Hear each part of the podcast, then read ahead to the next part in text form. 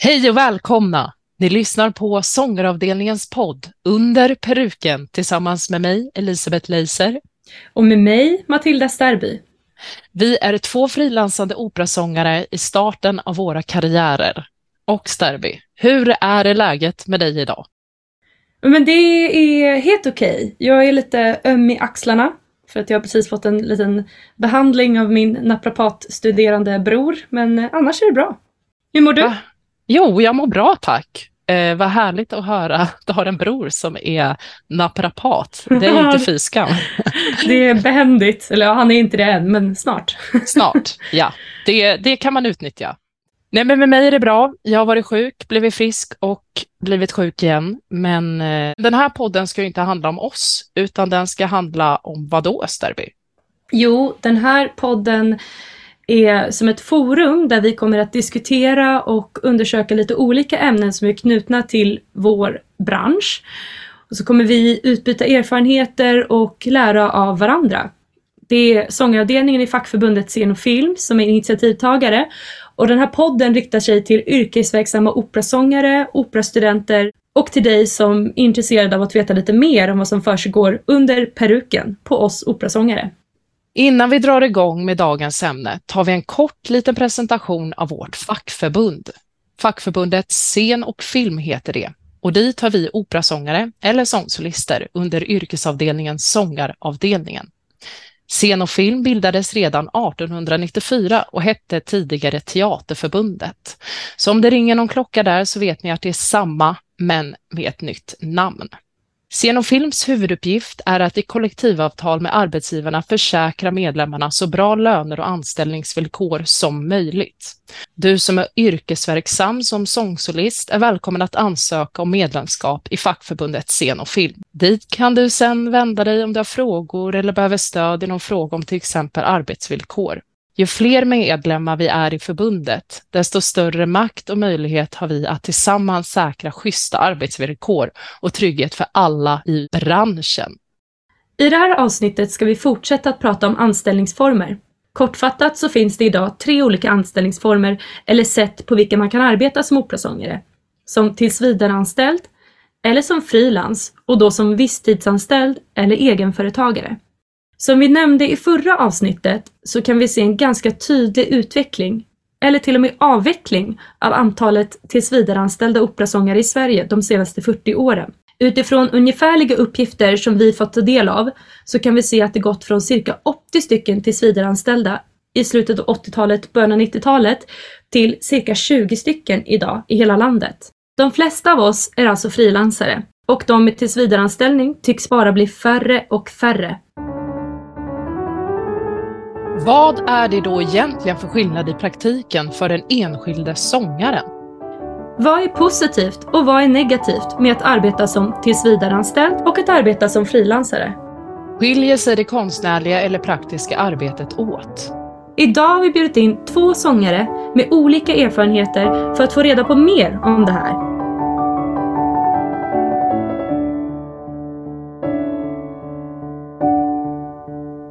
Välkomna till Under peruken säger vi till Olle Persson och Katarina Leosson. Varmt välkomna ska ni vara. Tack så mycket. Tack så mycket. Vi ska få be att presentera er lite kort genom att ni får svara på fem frågor. Och vi börjar med dig, Katarina. Vilket okay. röstfack har du? Jag kallar mig att jag är en alt, men i operahuset har jag väl gått som mezzosopran skulle jag säga. Okej, är det mm. det här allt, är det någonting du har blivit på senare dagar eller har du alltid definierat dig som det? Nej, jag har nog alltid definierat mig som det. Jag har känt mig mest hemma där. Men det blir ju lite för få roller om man ska vara bara allt. Så därför har jag gjort mezzosopranpartier också. Ja, okej, okay. det är ju toppen mm. att vara lite mångsidig. Precis. Ja, och hur gammal är du? Jag är 55. 55 år gammal. Mm. Precis. Och när började du arbeta som sångare? Jag kom igång ganska sent så att jag var nog 27 eller var jag 26 när jag kom in på Operahögskolan. Så att det var ju runt när jag var ungefär 30 som, så att jag har jobbat i 25 år ungefär som sångare. Ja, det är ju ändå ett långt tag. Ja. Får man säga. Har du någon favoritroll eller favoritkompositör? Alltså jag, nu har jag precis avslutat Elektra, alltså Strauss Elektra, där jag har gjort Clytemnestra. Och det Mm. måste jag säga är en av de roligaste grejer jag har gjort. Jag kan inte minnas att jag haft så kul på scen sen jag gjorde Orfe, alltså Glucks Orfe tillsammans med Mats Ek. Det var också, Ah. så att det, det handlar väl mycket om eh, produktion mer än roll kanske, men Clytemnestra kan jag säga var jäkligt roligt att göra. Ja, vad roligt. Okej, sista frågan. Vilken anställningsform har du mest erfarenhet att jobba under? Jag har framförallt varit tills vidare anställd och alltså varit en del av ensemblen på Stockholmsoperan. Tack så mycket, Katarina. Då lämnar vi över till Matilda. Ja, då ska jag fråga dig samma sak, Olle. Vad Mm. tillhör du för röstfack? Bariton. Någon speciell typ av bariton eller bara bariton? Jag är lyrisk bariton skulle jag vilja säga. Ja, Ja. vad fint. Mm, Hur det gammal är, fint. du då? Jag är 65. Mm. Och när började du arbeta som sångare? Jag gjorde min debut på Operan 84, men då gick jag fortfarande och studerade. Så att jag har väl i princip hållit på i 40 år. Det, Still going strong. ja, ja, faktiskt. Mm. Vi får se hur länge det håller. Ja. Har Mm. du någon favoritroll? Ja, det har jag faktiskt. Och det är Posa, eller Markisen av Posa eh, i eh, Verdis Don Carlo. Varför det? Nej, det var det också. Att jag gjorde den ganska ung. Men eh, det ligger fortfarande... Nu kan jag inte göra den för jag har inte åldern där. Jag är för gammal för det. Men alltså, det var första gången jag kände att det röstmässigt låg precis perfekt mitt i. För att eh, jag har väl inte det... Jag har ju inte den här basiga rösten liksom och det här mörka som man behöver i väldigt många andra baritonroller. Men just där så... Eh, då, då, då kände jag att det blev en sån helhet. Också med också då själva rollen som sådan. Det är ju fantastiskt att få spela hjälte och dö och sjunga två arior medan man dör. det liksom, kan ju inte bli bättre. Nej, jag skojar lite. Nej, men det var, och så är det ju, jag älskar den, hela operan, alltså det är musiken. Mm. Så är det ett historiskt drama, vilket gör att det blir, ja, det, blir väldigt, det är väldigt fint. Vilken anställningsform har du mest erfarenhet av att jobba under då? Eh, ja, det är frilans. Mm. Eh, Det, det är det. det. Det har varit så hela tiden och är fortfarande. Fast jag har parallellt nu de senaste 13 åren också jobbat som sångpedagog på Musikhögskolan i Örebro. Mm. Så jag har en tjänst där också. 60 procent och sen frilansar jag resten då. Just nu är jag tjänstledig då, eftersom jag är på Norrlandsoperan. Men eh, jag ska tillbaka dit i, i vår. Mm. Och när du säger att du jobbar som frilans, har du varit på projektanställningar då eller har du jobbat som egenföretagare? Ja, det är så att eh, jag började på den tiden när man inte hade, e- man var inte egenföretagare. Jag är så gammal så att eh, det var ju så att jag fick ju, jag blev projektanställd eller också fick jag ett ettårskontrakt någonstans. Och så fick jag pjäskontrakt och så blev man ju alltså anställd eh, projektvis. Och allt var ju så annorlunda då när jag började.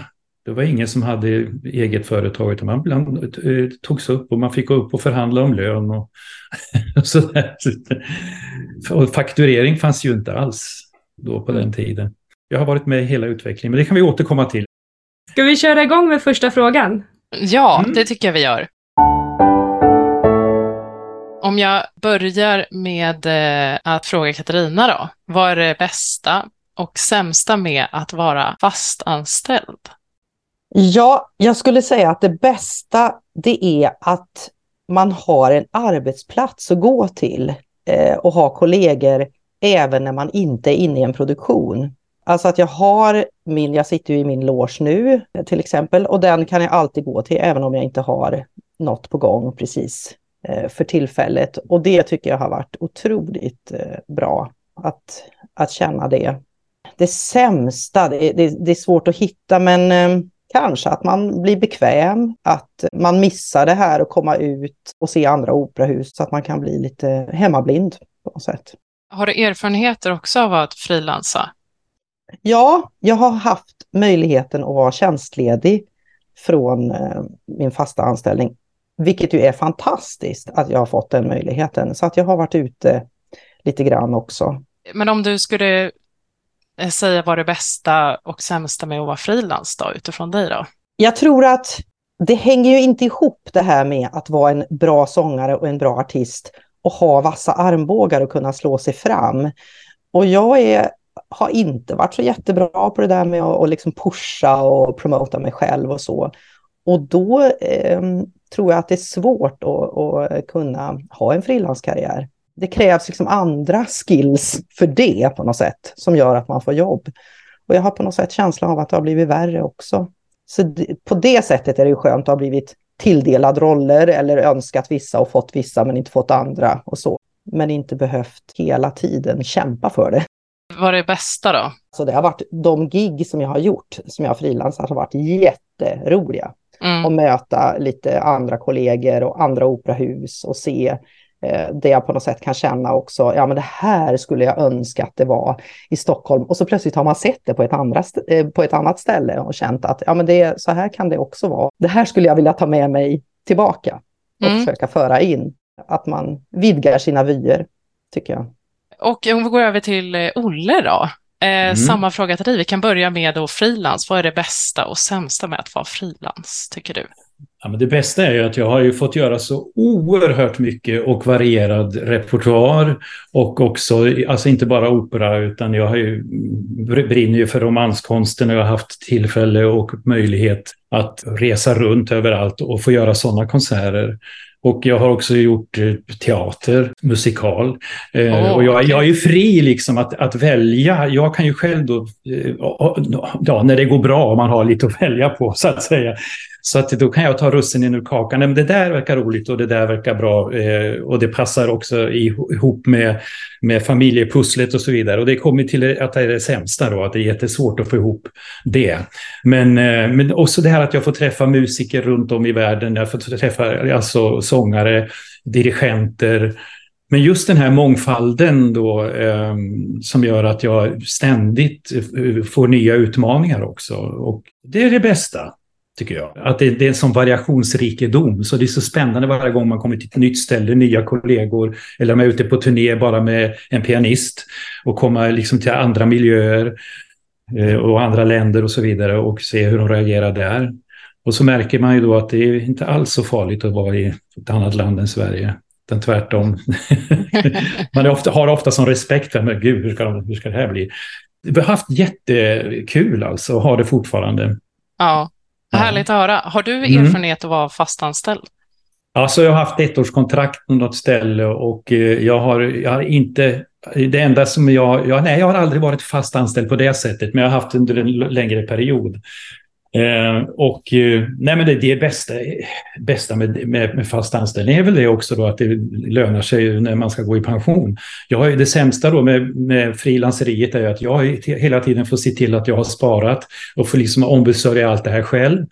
Och jag måste också då varje sommar måste jag ha lagt undan pengar så att jag kan ta semester. Och ibland går inte det, utan då får jag söka jobb på sommaren. Men då är det det här att jag har en, är ganska bred då i vad jag kan göra rätt mycket.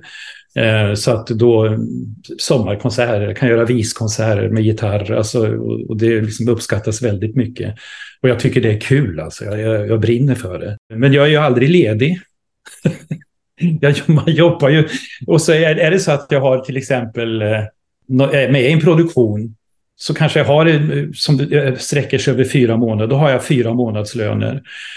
Sen har jag inte det resten av året, utan då måste jag se till att jag får skrapa ihop det på ett annat sätt. Så att det är ett enormt jobb alltså.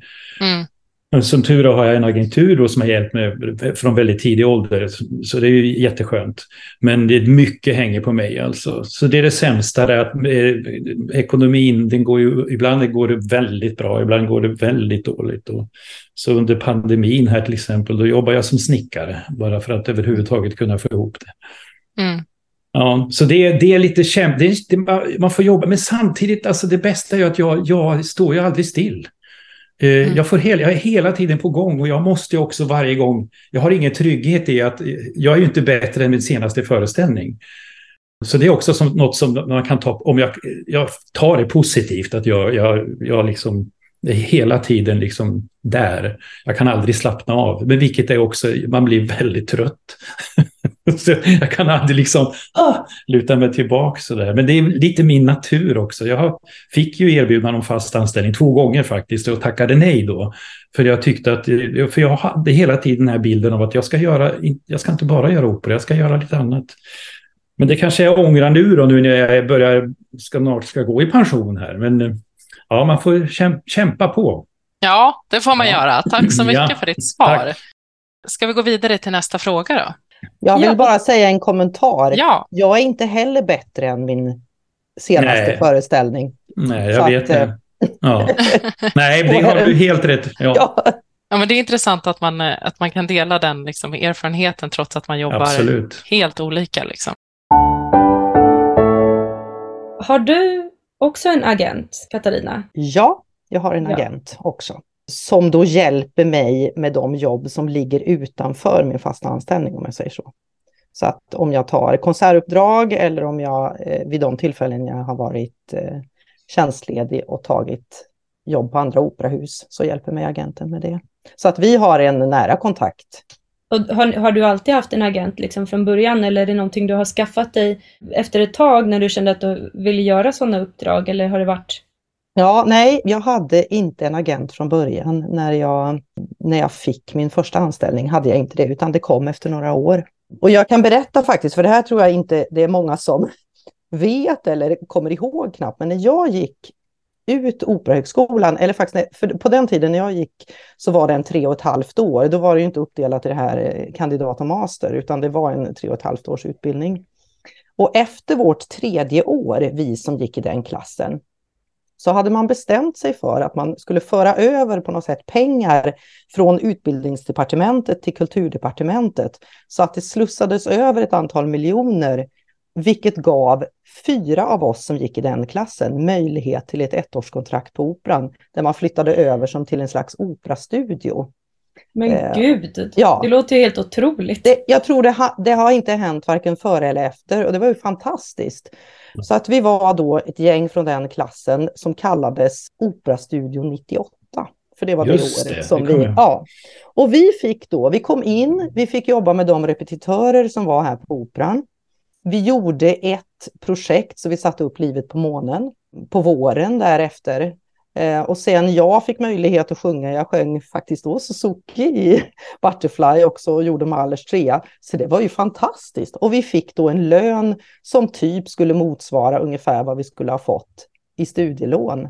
Men slapp då ta det och fick ändå en så att säga eh, färdig utbildning, eller vi fick ju vårt examensbevis ändå. Så att det var ju otroligt, men det var på den vägen som det gjorde att jag faktiskt hamnade på Operan och sen fick förlängt efter det året också. Ja, för det var min nästa fråga. Hur gick det till när du fick den här anställningen? Om man ser idag så känns det nästan som att det är svårt att bli bjuden på en audition för ett, för ett projekt på ett operahus utan att ha en agent. Ja. Det låter helt fantastiskt. Ja, men det var ett nära samarbete och vi hade på den tiden hade man också regissörer som var knutna till huset. Eh, Knut Henriksen, och du minns ju honom Olle, ja. eh, och Ann-Margret Pettersson. Och ja, de, var, de jobbade också på Operahögskolan och gjorde projekt och tog då, så att vi fick bland annat göra praktik, gjorde eh, Damerna i Trollflöjten, några ur klassen. Så att det var, man, man, de kände till vilka som var där, så att det, det var som att steget var inte så långt in till operahuset, hade jag känslan av då, som jag mm. tycker mig uppleva att det är nu. Valde du att arbeta som frilansare och i så fall ja, varför? Jag gjorde det, det var ett aktivt val. Och då ska jag också säga, och det här är fantastiskt när jag får höra det, jag kommer ihåg det här, det var ju alltså 98 och vilket gäng det var och vilken, vilken, vad fantastiskt att det var ett sånt samarbete. Jo, eh, jag är ju uppväxt också när, när det blomstrade också för oss frilansare på något sätt. Det fanns något som hette Rikskonserter som gav mig lön i flera år för jag fick, fick göra mina de här romansprogrammen. Åka inte bara ut i Sverige utan i deras regi utomlands.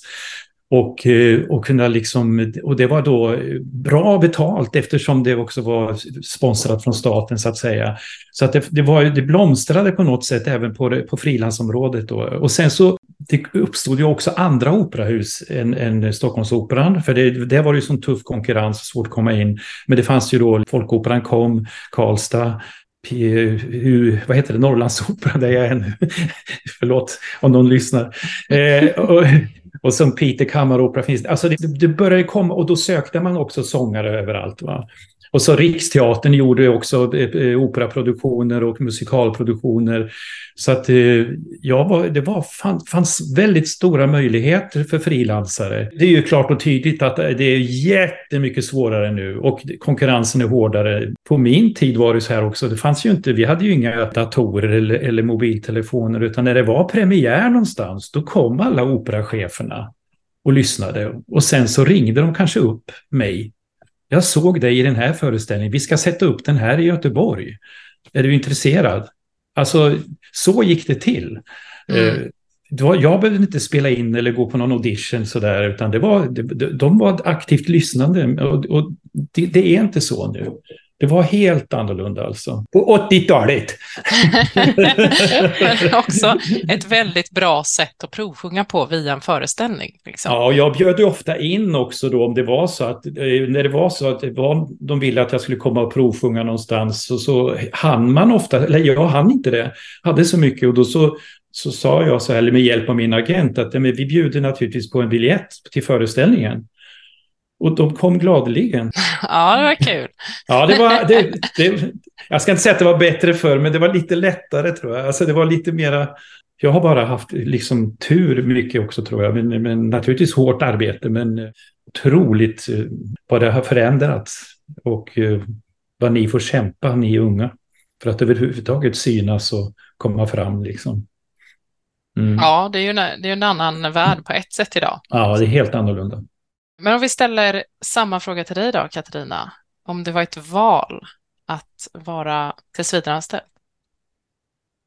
Nej, det ska jag inte säga att det var, men jag var glad att jag fick eh, dels det här, jag fick ju några årskontrakt först eh, och sen fick jag erbjudande om att bli tillsvidareanställd. Men eh, jag vet ju att det var de, som du då Olle, som tackade nej till men vi var några som tackade ja, så att det ansågs väl inte riktigt kanske fint att vara tillsvidareanställd. Ehm, mm. Men jag var liksom jätteglad för det, måste jag säga. Varför ansågs det inte vara fint? Jag vet inte.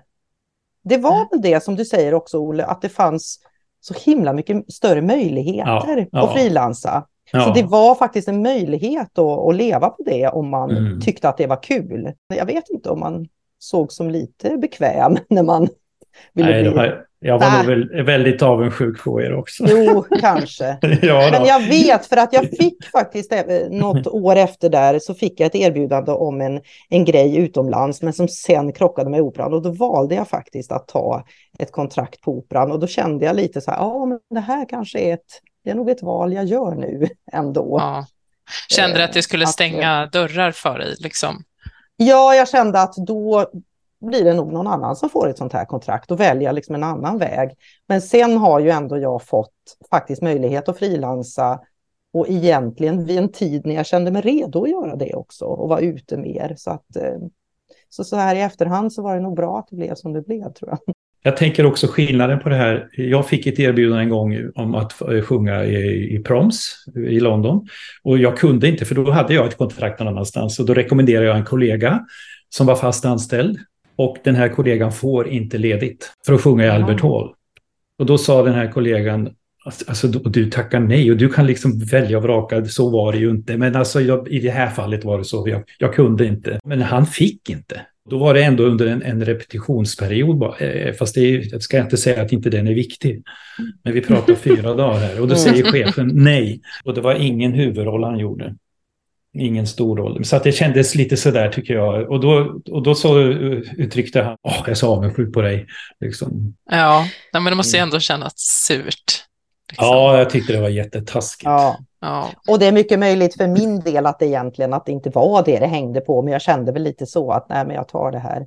Men, mm. Eh, men sen måste jag säga att den ledning som jag har haft nu och jobbat under har varit otroligt generös med att eh, ja, det, det... ge en möjlighet. Så att... Jag skulle vilja flika in med en fråga, för att det du sa eh, Katarina, att du fick sen möjlighet att frilansa och då var du kanske redo för det lite senare.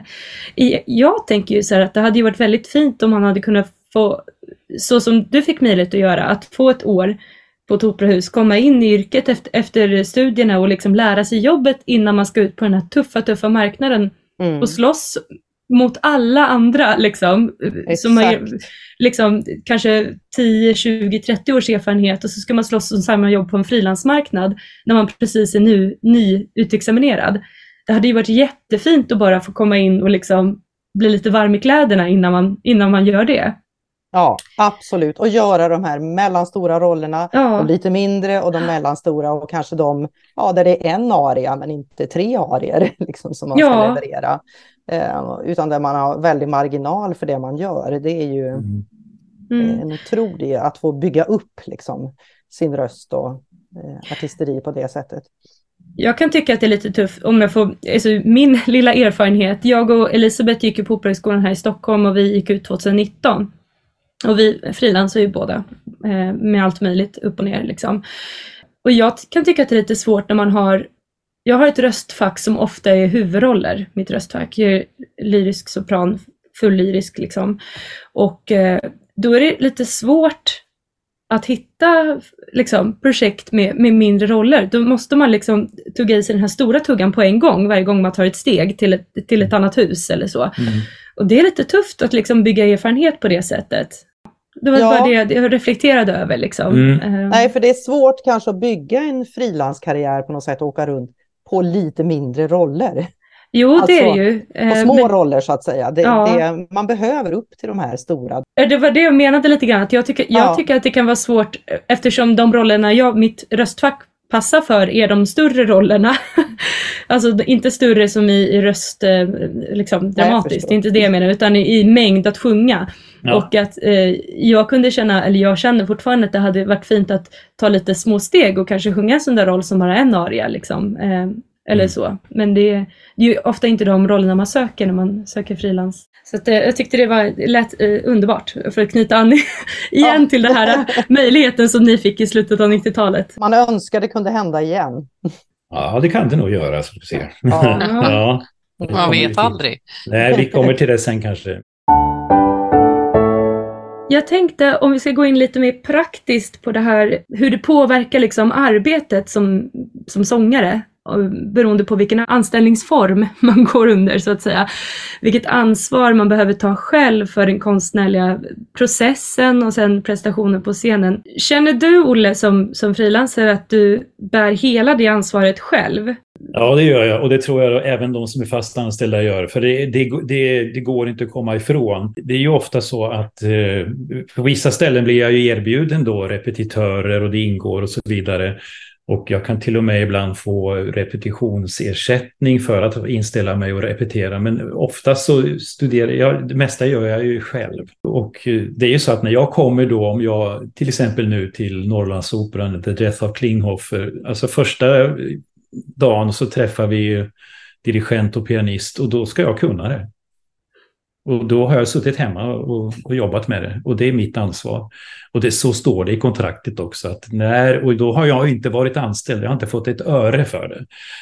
Men det, det, så är det och då, då hänger det på mig och eh, om jag då har, eh, behöver någon pianist så får jag stå för det själv. Ansvaret är ju all, alltid hos sångaren oavsett tror jag, eller vad säger du Katarina? Alltså att man bär hela ansvaret. Men man kan ju få större, man kan få mer och mer hjälp beroende på var någonstans man är anställd naturligtvis. Vi har faktiskt haft uppe den här frågan i, i ensemblen på Operan, därför att vi är ju så olika också. Mm. Och jag är precis som du Olle, att jag lär mig väldigt mycket själv. Alltså jag skulle Mm. aldrig ta eh, ett klaverutdrag till en pianist som får sitta och liksom ding, ding, ding, den här tonen är det. Utan jag ser till att kunna det. Jag behöver liksom inte sitta och läsa eh, texten med, med pianisten. Utan eh, det där jobbet har jag gjort själv. Men vi sa just det, vem har egentligen... Eh, för att vi här då, när vi gör en produktion, så har vi oftast en eller två repetitörer som ändå är ansvariga för produktionen och som leder eh, ensembler och så. Vi har liksom haft uppe frågan, ja, men är det de som är ansvariga och ser till att sångarna kan sina saker till första repetitionen. Och jag menar att det är det ju inte, utan det är ju alltid man som sångare som måste se till det. Men det är på något sätt. Ja, men det, det, det tror jag också. Fast jag har varit med om då när jag nästan blev dit tvingad någon gång. Jag säger inte vilket operahus, men jag sa att nej, men jag gör det här själv. Men då ringer repetitören och är ursinnig. Du måste, vi måste göra det här nu. Du måste komma hit. Mm, så att jag ser jobbar, att du kan det. Ja, då, det, ja, det också naturligtvis. Men också det att jag tror att de kände, jag tyckte det var lite fint faktiskt. För att känner, de känner nog ett enormt ansvar, de också. Ska vi inte glömma, de här repetitörerna, att, att, för det är ju så, eh, tror jag, att alla går och, och liksom, alla vill göra det bästa. Ja, och de sätter ju också sitt namn så ja, säga, på produktionen absolut. och att de är musikaliskt ansvariga. Och ja. Det är klart, då vill de ju också veta att, och kanske ha en viss, ja men vi sjunger barock på det här sättet, ja, eller den här ja. stilen har vi, så att det är klart, det måste mm. man ju också respektera på något sätt. Jag i alla fall tar väldigt mycket ansvar själv, det gör jag. Mm. Eh, och det har blivit ännu mer, men nu med åren så har man ju lärt sig på något sätt hur, vilket sätt man har att lära sig en roll också mm. och vågar stå för det. Ja, för det är ändå så att är du på ett hus och det är repetitörer knutna som har ansvaret för instuderingen så skulle ju de teoretiskt sett kunna flagga några veckor innan att ja, men den här sången är inte riktigt på banan. Så nu sätter vi in lite extra mm. eh, liksom, eh, mm. coachings eller så. Och det eh, samma sångare som hade gjort det uppdraget eh, som frilans, inte knuten till huset, hade ju inte haft dem någon som flaggat liksom. Nej. Jag förstår, det är ju ens eget ansvar alltid. Men nu, mm. jag bara var nyfiken på det för att det, för det ser lite olika ut liksom vad man har tillgång till och om man är nära produktionen från att den börjar leva från början. Ja. Alltså att mm. man är med i planeringen hela tiden kanske, tänker jag mig, om man är fast på ett hus och vet om att den här ska sättas upp om två år så vet man, kanske man springer på folk som är inblandade i produktionen och möter dem undervägs. Liksom. Jag tror det är lätt ändå som fastanställd och när man tillhör en ensemble att man kanske lägger över lite av ansvaret. Det skulle man aldrig göra som en frilans och jag vet de gånger jag har varit ute, alltså man är ju så otroligt förberedd så att det är mm. Här vet vi ju på något sätt att man alltid har pianisterna att tillgå. Så att, mm. eh, ja, jag vill inte säga att jag är bekväm, men ni förstår det. Jag, mm. nej, jag tror inte du är bekväm, men, men, det, men det finns där. Men, och grejen är ju också att Nej, men det är ju det, det, det, den ekonomiska aspekten då, att då om man är fast anställd så har man ju fortfarande lön och, och kan utnyttja det här. Och får liksom, men jag, jag får ingenting. Mm. Så det är det enda av de negativa grejerna, utan jag jobbar liksom gratis väldigt mycket. Ja. Men jag gör det så gärna, sa han bittert. Mm. Nej, men då får jag ju hitta på något annat vid sidan om naturligtvis. Samtidigt som jag repeterar så är jag ute på någon turné kanske. Och så. Så det, Men du har så... sådana enorma föreställningsgage, Olle. Nej. Skulle bara veta. Det är ju också intressant det där att, man, att om gaget kompenserar för den tiden man lägger ner i förväg. Ja, det, det, gör det ju. Det, det, ska, det, det ska jag säga. Men, och det är inte på alla ställen, men på många på de stora institutionerna gör det verkligen det. Så jag klagar inte. Men det, Nej. Nej men det måste det ju göra. Nästa fråga då. Påverkar din anställningsform din relation till kollegor och chefer? Jag börjar med dig Katarina. Alltså, det är ju ändå så här att vi har väldigt många frilansare med i alla produktioner. Det är ju inte så att ensemblen bara gör. Därför byts det ju ut hela tiden. Så för mig, jag får ju nya kollegor hela tiden. Märker du någon skillnad på hur dina frilansande kollegor liksom bemöter era gemensamma kollegor, liksom förhållande till de som är fastanställda? Nej, just mellan kollegor skulle jag inte säga att det är så stor skillnad. Eh, sen är det klart att vi här, det är ju många som är återkommande även av de som är frilansare. Så att man lär ju känna varann. Och det är klart, när jag har varit på andra ställen så har det varit helt nya kollegor som jag inte alls jobbat med. Och det blir ju skillnad. Till chefer så kan det nog ändå vara så att man vågar vara lite mer bestämd, tror jag, som tillsvidareanställd. Man vågar säga ifrån på ett annat sätt. Det tror jag definitivt. För att det gör man ju inte som frilans. Eller vad säger du, Olle? Nej, och, och det, det, är ju lite så här också att jag kan känna att jag kommer undan en hel del. Alltså är det så här att solistklubben eh, har möte för att det är någon kris och så vidare, då kan jag gå ut och fika. Jag har, jag har ingen anledning, jag ska inte vara med där. Jag, jag, är, jag är befriad från de här eventuella konflikter, vi ska jag behöver inte säga ordet konflikt, men de här det som är ett fantastiskt jobb så kan jag vara avundsjuk att jag inte är med i den här familjen som då samlas och, och, diskuterar hur gör vi nu, nu har det uppstått det här och det här.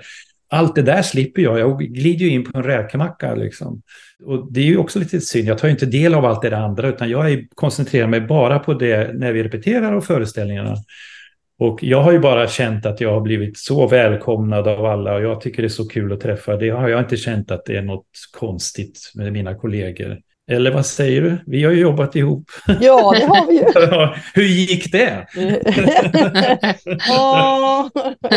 ja, det gick ju bra. Ja, ja men det var ja, så nej, men alltså Jag känner mig alltid välkommen och jag tror det beror på hur man är själv. Alltså. Ja. Jag är liksom, försöker då alltid vara så, liksom, som en öppen bok. Alltså, Hej, vad, vad är, vilka är ni? Vad ska vi göra? Vad kul! Alltså väldigt positiv. Men vi är energi. ju också, tycker jag, vi operasångare. Vi är ju ja. som ett släkte som hör ihop. Ja.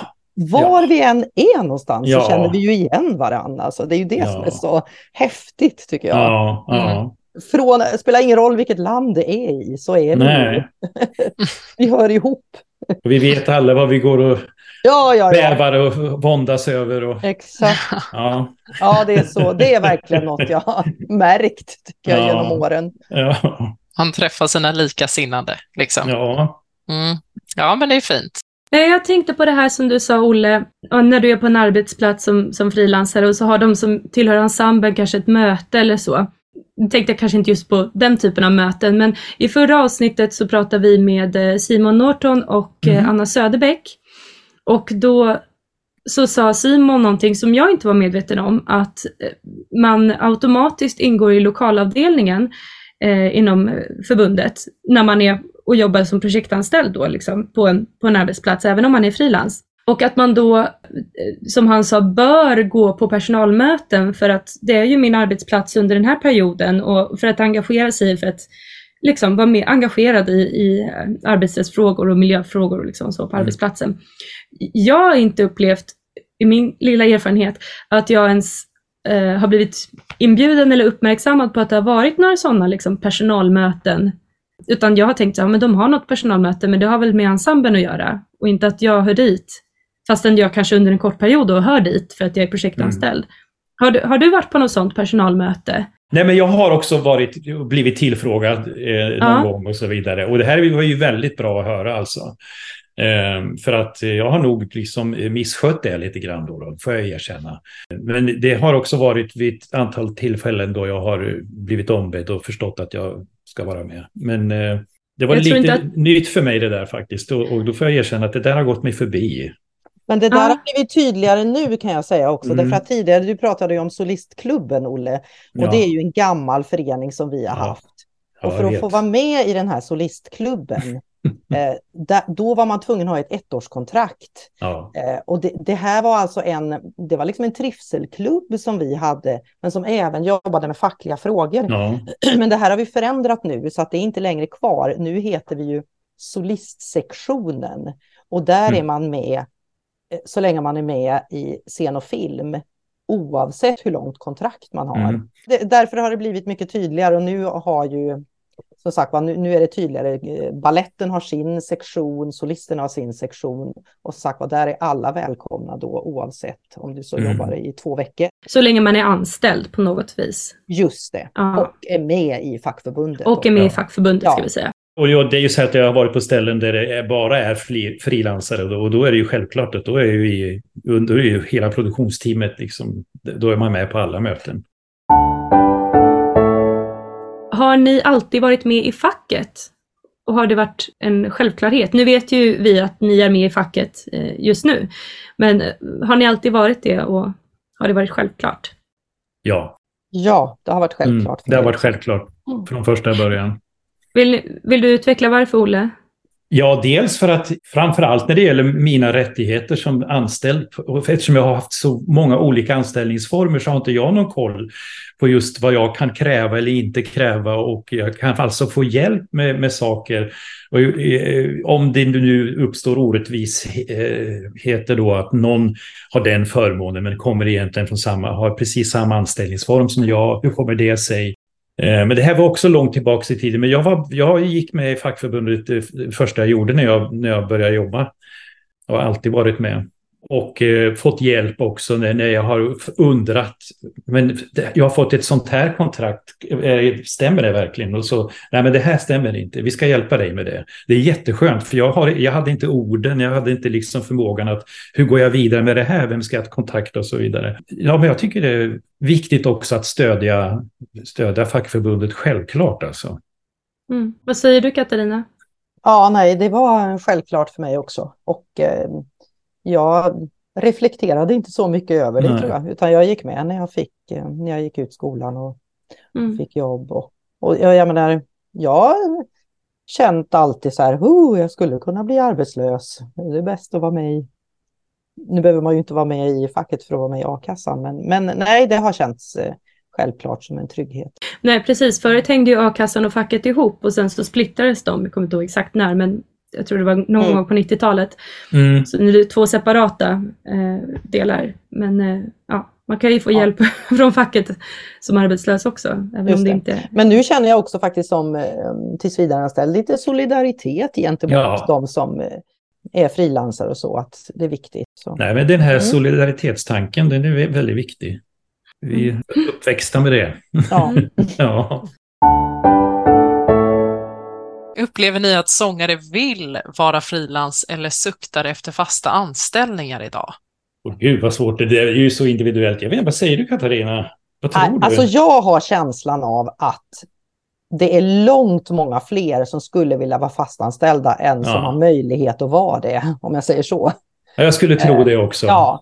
Sen är det säkert de som, vi, som det inte passar och som vill vara fria och som, där det ramlar in och de kan välja och vraka precis som de vill. Och det är klart för dem kanske frilansmarknaden passar bättre. Men väldigt många, tror jag, skulle vilja ha en eh, tillsvidareanställning både möjlighet, om man säger, att utvecklas konstnärligt och samtidigt ha trygghet. Ja, men visst, och det är ja. fantastiskt det här med eh, fast, fast anställning då. Dels tryggheten, men också se, eftersom jag kan, under en lång tid kan följa sångare från de har varit väldigt unga och som har varit fast och nu också vilken utveckling som sker i den här fasta ensemblen och vad, vad som händer och, och så olika roller som de tar sig an. Det är helt fantastiskt. Det är ju det är ju en fantastisk möjlighet. Ja, och det Medan jag fladdrar så... omkring. Liksom. Ja, men det är ju inte så heller att ställa sig på scen och våga gå in på scen.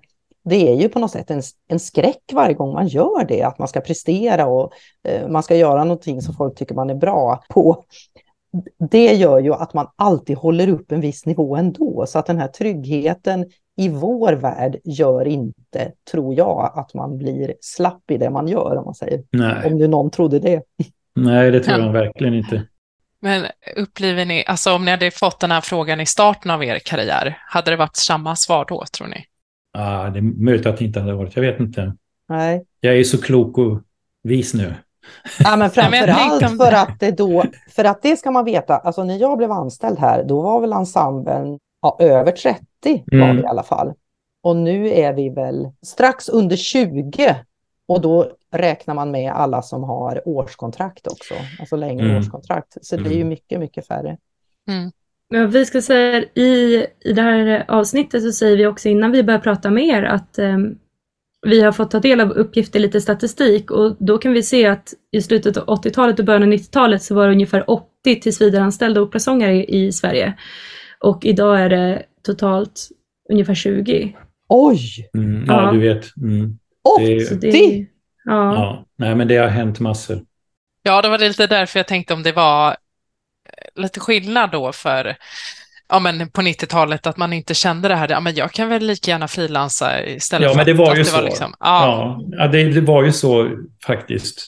Mm. Men då kommer vi in på kulturpolitik och det skulle vi inte prata om idag, det har ni gjort säkert. när, när, när jag kom ut, eller kanske ännu tidigare, då var det ju så, var man en bra sångare som levererade, då fick man ju i princip en tillsvidareanställning. Men nu kan man ju vara jättebra och ändå inte få. Det är ju det, det är så otroligt mycket hårdare konkurrens. Ja. Alltså.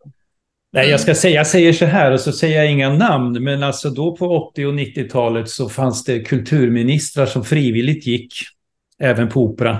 De blev inte ens tvingade dit. Säger inget mer. Nej, men de var jätteintresserade. Eh, och om de hade en bredare kunskap helt enkelt. Mm. Så fick jag det sagt. Stefan Löfven gick ganska ofta. Ja, Stefan ja. Ja. Om vi ska slå ihop det här lite grann, eller avsluta. Mm. Har ni några råd till eh, en ung sångare som, eh, som är i början av sin karriär idag? Ja. Ja, varsågod. det som är... Jag bara jag tänkte vad ska jag svara på den när jag såg den här frågan. Men jag kom att tänka på någonting som är jätteviktigt. Och det är det här att eh, det hänger ju, jag kan kalla, jag säger oss pedagoger också, att i, i, i den förberedande undervisningen se till och kräva att man också kan bygga upp sitt självförtroende, sin, sin självkänsla, lära känna sin kropp, lära känna sin röst, lära, tänka, lära sig tänka själv. Jag har sett så många skrämda unga sångare som inte vågar för att de har en enda person som de är knutna till som de frågar och den personen säger nej det där ska du inte göra och nej nej nej det det det ba, ba, ba. De kan ha rätt men det också kan vara så att det stoppar då en sångare som skulle kunna utvecklas jättemycket. Att våga chansa lite. Att våga ta egna beslut, initiativ och inte bara eh, lyssna på en enda person. Jag har ju också hela tiden, för ju hela, fortfarande nu, alltså dialog med mina kollegor, dirigenter när jag, när jag jobbar. Vad, ja, vad, vad, vad tycker ni? Vad säger ni? Alltså att man har en öppen dialog med alla sina medmusikanter, medsångare och tar in och lyssnar på varandra. Och att det, att det också kan vara värt väldigt mycket. Det är lätt att säga, se till att du skaffar ett självförtroende, men kräv det här av dina pedagoger, att, du, att också en självkännedom. Så att det inte är, ja, vad ska jag göra? Vad, vad ska jag göra nu? Vad är nästa steg? Tänk själv. Och det är så lätt att sitta och säga, men eh, jag upplever att det där är ett ansvar för, eh, för, för alltså, i, i de här förberedande undervisningsformerna då, på operaskolor och högskolor. Så att man inte trycker ner utan utvecklar en positiv eh, självkänsla hos varje student. Det är ett Jättebra råd. råd. till- Ja, Ja, ja. det är bra. Mm. Och att inte bara att har man en sångpedagog och man går och man jobbar mycket, men att man utvärderar den hos någon annan, till exempel hos någon annan dirigent eller en repetitör som eh, någon internationell människa, så att man får på något sätt feedback att man är på rätt väg eh, och inte bara med, med den man jobbar med. Men jag skulle säga också, det är ju viktigt nu att skaffa sig en bra agent. Mm. Och det kanske är Ja. lättare sagt än gjort, men Ja. Ja, det här med agent och, och självförtroende, det är kanske viktigare och viktigare då med, med högre och högre kon konkurrens och mer frilans på, på marknaden som vi pratade om tidigare. Upplever ni att prestationen är högre eller lägre ju äldre ni blir? Alltså, eller förväntningarna ska jag säga på er. Alltså vad ni har själva förväntningar men också från andra. Är det mer idag än vad det var kanske för tio år sedan? Eller Jag är mycket, mycket mindre tillåtande mot mig själv. Alltså jag har nu jättehöga krav på mig själv, känner jag när jag går in. Och det har inte med egentligen att jag är mer nervös nu eller något och panik, men eh, jag ser till att vara bra förberedd. Hur andra ser på mig, det vet jag inte. Nej, men exakt så skulle jag säga också att jag har ingen aning om vad folk har förväntningar av mig. Men jag har enorma förväntningar. Jag måste liksom, precis som du. Eh, Ja, vad kul att du också känner så. ja, ja, men jag gör det. Och det, är, och det är lite härligt också. Det tar aldrig slut känner jag. Det är så och det, alltså jag omvandlar det till en positiv känsla. Det är inte ångest och det är inte liksom scenskräck eller åh gud vad händer nu då? Utan det är alltså, är en drivkraft liksom. Kom igen nu Olle. Se till nu och liksom upp, steppa upp ett snäpp till här nu. och det är, det, är, det är som eh, liksom, nej, men, omvandla det till positiv energi och, eh, och överras, bli själv, att jag blir kanske lite överraskad ibland. Oj, Var kom det där ifrån? Mm. Mm. Ja, det tog 40 år innan jag hittade det där. Men det var så att jag kan vara glad över det. Mm. Och istället för att säga skit att jag inte Ja. fixade det där för 30 år sedan, men nu gör jag det. Och då, då känns det så, wow. Tyvärr är ju sanningen att man har ju fler roller bakom sig än jag har framför mig. Det där hörde jag inte.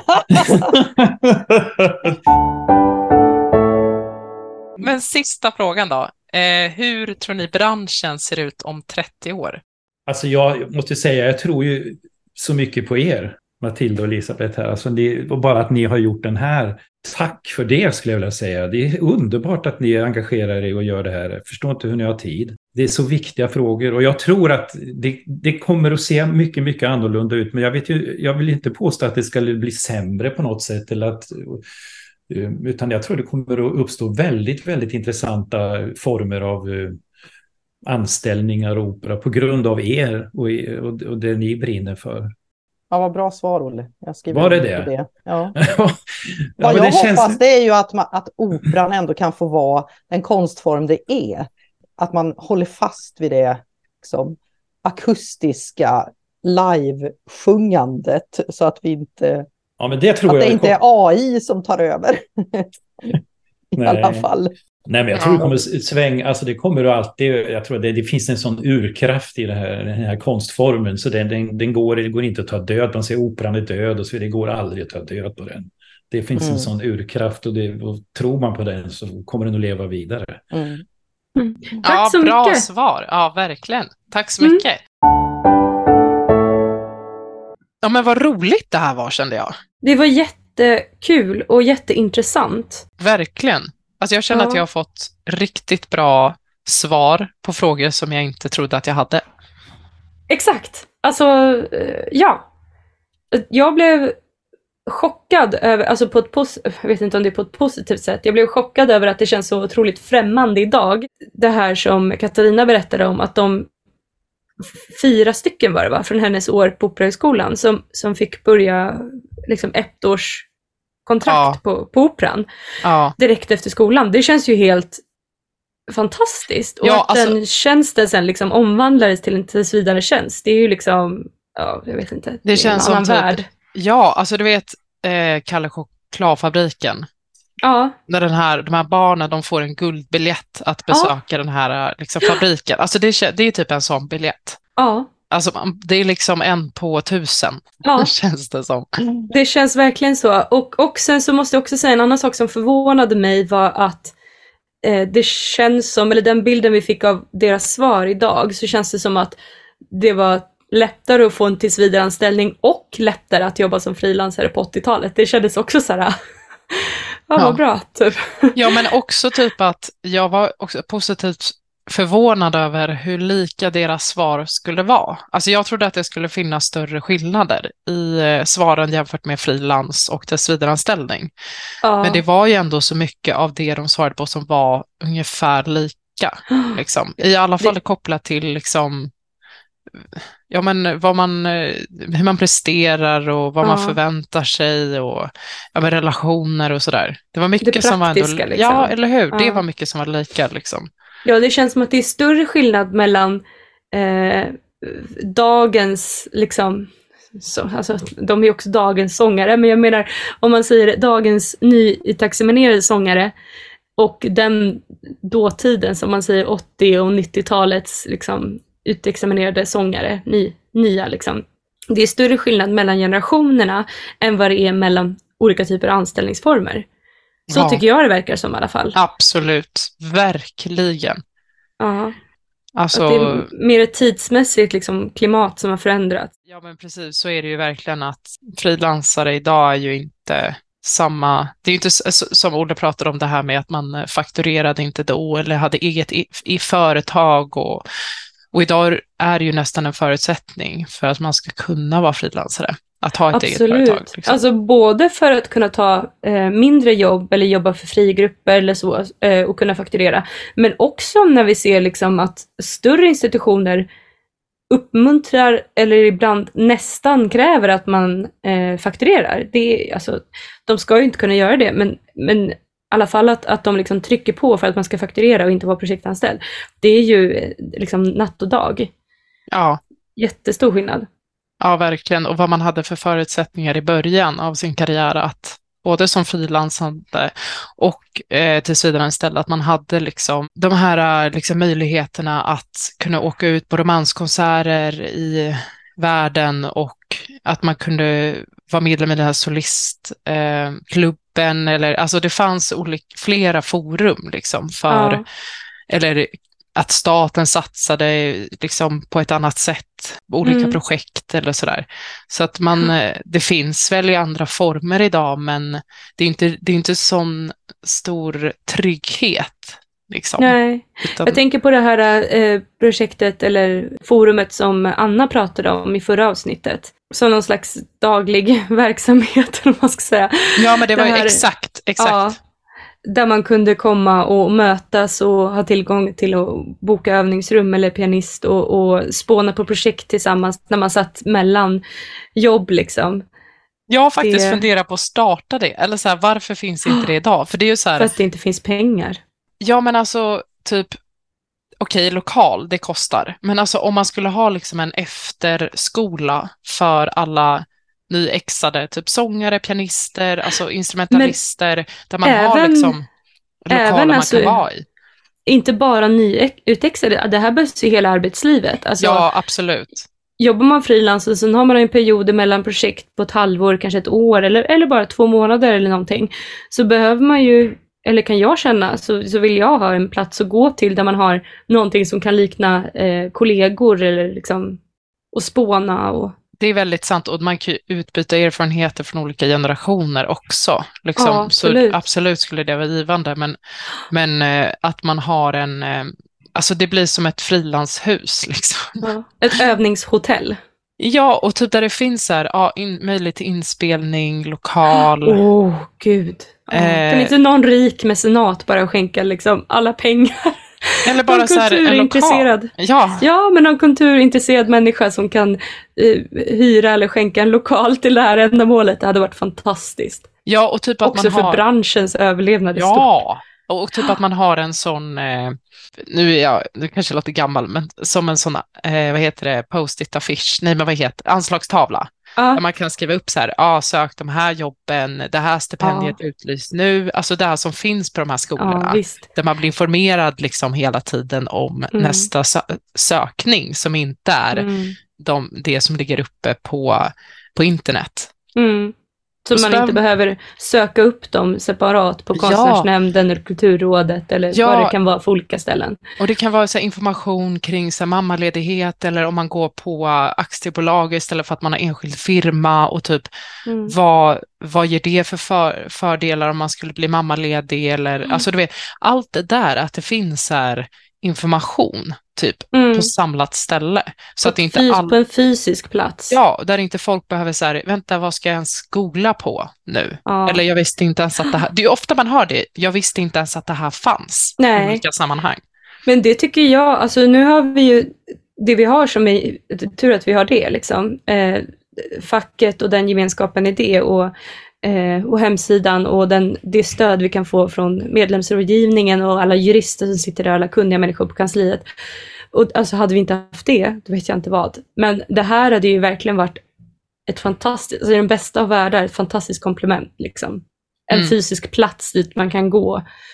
Och ja, En Men jag tänk- arbetsplats.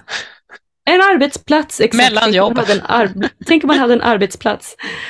Ja, men jag tänker på det här som Olle sa på slutet, vill jag bara reflektera över, med råd till eh, unga sångare som ger sig ut i, i branschen idag. Liksom.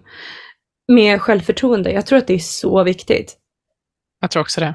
Jag, jag tror att det är liksom bland det viktigaste, alltså minst lika alltså kanske man ska säga så, men minst lika viktigt som att ha en stabil och bra sångteknik och, och liksom allt det där som man Ja, måste ha för eller- att kunna jobba.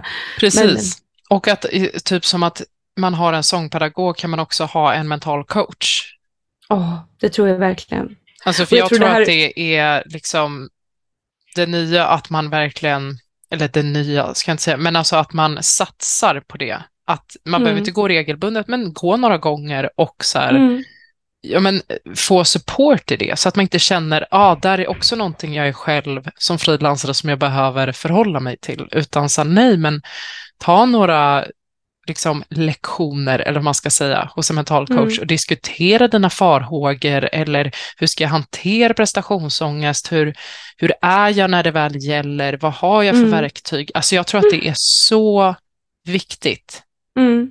Och att det inte liksom ligger någon skam i det att jag är osäker, eller för att jag inte är tillräckligt bra eller liksom inte har det som krävs.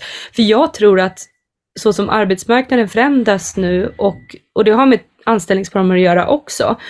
När det blir så här tuffare och tuffare liksom konkurrens och eh, liksom i princip bara frilans som vi, frilansjobb som vi alla slåss om, så behöver man verkligen det här självförtroendet. Och jag förstår varför det finns studenter på skolor idag som är jättenervösa för att göra fel.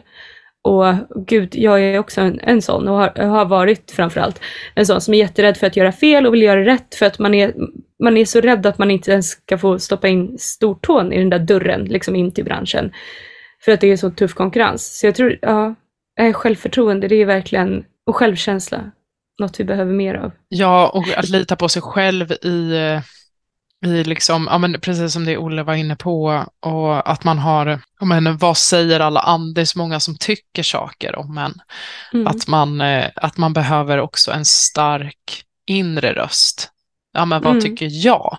Sen ska man inte köra över alla råd och sådär, men att man, ja men jag har också någonting att säga till om i den här debatten. Mm. Ja. Jag inte glömmer bort det. Ja, men vadå? Jag har också någonting att säga till om när det gäller mig och mitt liv ja, och min karriär. Det, ja. det kanske låter självklart, men det har inte varit självklart för mig. Nej, inte för mig heller. Inte för mig heller. Men, och det självförtroende som jag har, det har jag byggt efter skolan, känner jag. Ja, ja, ja. Hundra procent. Alltså jag alltså, hade typ ett luftslotts självförtroende när jag gick i skolan. Ja, som bara det hade du verkligen. i pandemin. Det var liksom... Ja, du, kändes, du kändes trygg och sen så var du tvungen att... För att jag inte hade haft en motgång, tror jag det var. Mm. Jag hade glidit in på en räkmacka mer eller mindre och mm. saker, saker bara i mina händer. Jag behövde inte jobba speciellt mycket för att få det jag ville ha. Och sen mm. så kom pandemin och så insåg jag, men gud, och, och saker och ting började förändras röstligt mm. och så här. Och, och då, då behöver man någonting att falla tillbaka på. Alltså, mm. man kan inte bara jobba på alltså bygga självförtroende efter framgång. Liksom. Nej, precis, det, där säger du någonting som är väldigt bra. Jag tror, jag tror att vi måste göra ett program, ett avsnitt som handlar om det här med mental hälsa och självförtroende, självkänsla. Alltså både, alltså inte bara när det gäller liksom vokalt, vokalprestation, utan hela biten med liksom, vem är jag som artist? Har jag, får jag plats i den här branschen? Liksom, varumärke, lite så också. Mm. Absolut, jag tror att det hade mm. alltså, varit jättegivande mm. Att prata om. Mm. Och om ni vill vara med i det avsnittet så skriv in. Nej, jag Ja, varför inte?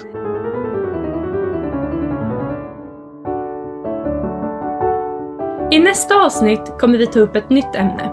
Nämligen, vad gör man mellan frilansuppdrag? Vad gör man om dagarna? Är man då ledig? Kallar man det för mellanjobb? Eller helt enkelt arbetslös? Finns det en skam kring a-kassa? Jobbar man kanske med något annat? Och i så fall, hur håller man igång rösten och sångaridentiteten? Om ni har frågor, tankar eller tips på framtida ämnen som ni vill att vi tar upp så mejla oss gärna på sangaravdelningen scenochfilm.se.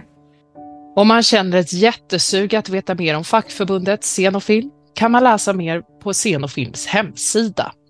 Du som är medlem i Scen och Film och vill ha stöd eller råd i frågor om kontrakt och arbetsvillkor kan höra av dig till medlemsrådgivningen på medlemsradgivningen scenochfilm.se. Vill ni få tips och råd till frilansare eller veta mer om anställningsformer så kommer länkar under avsnittet på Sångaravdelningens Facebook-sida. Och ett tips till er som är studerande. Det finns studerandemedlemskap i scen och film som kostar bara 100 kronor per termin. Är inte det helt otroligt? Ja, det är otroligt. Tack för att ni lyssnar på Under peruken och vi hörs snart igen. Ha det gött! Ha det gött!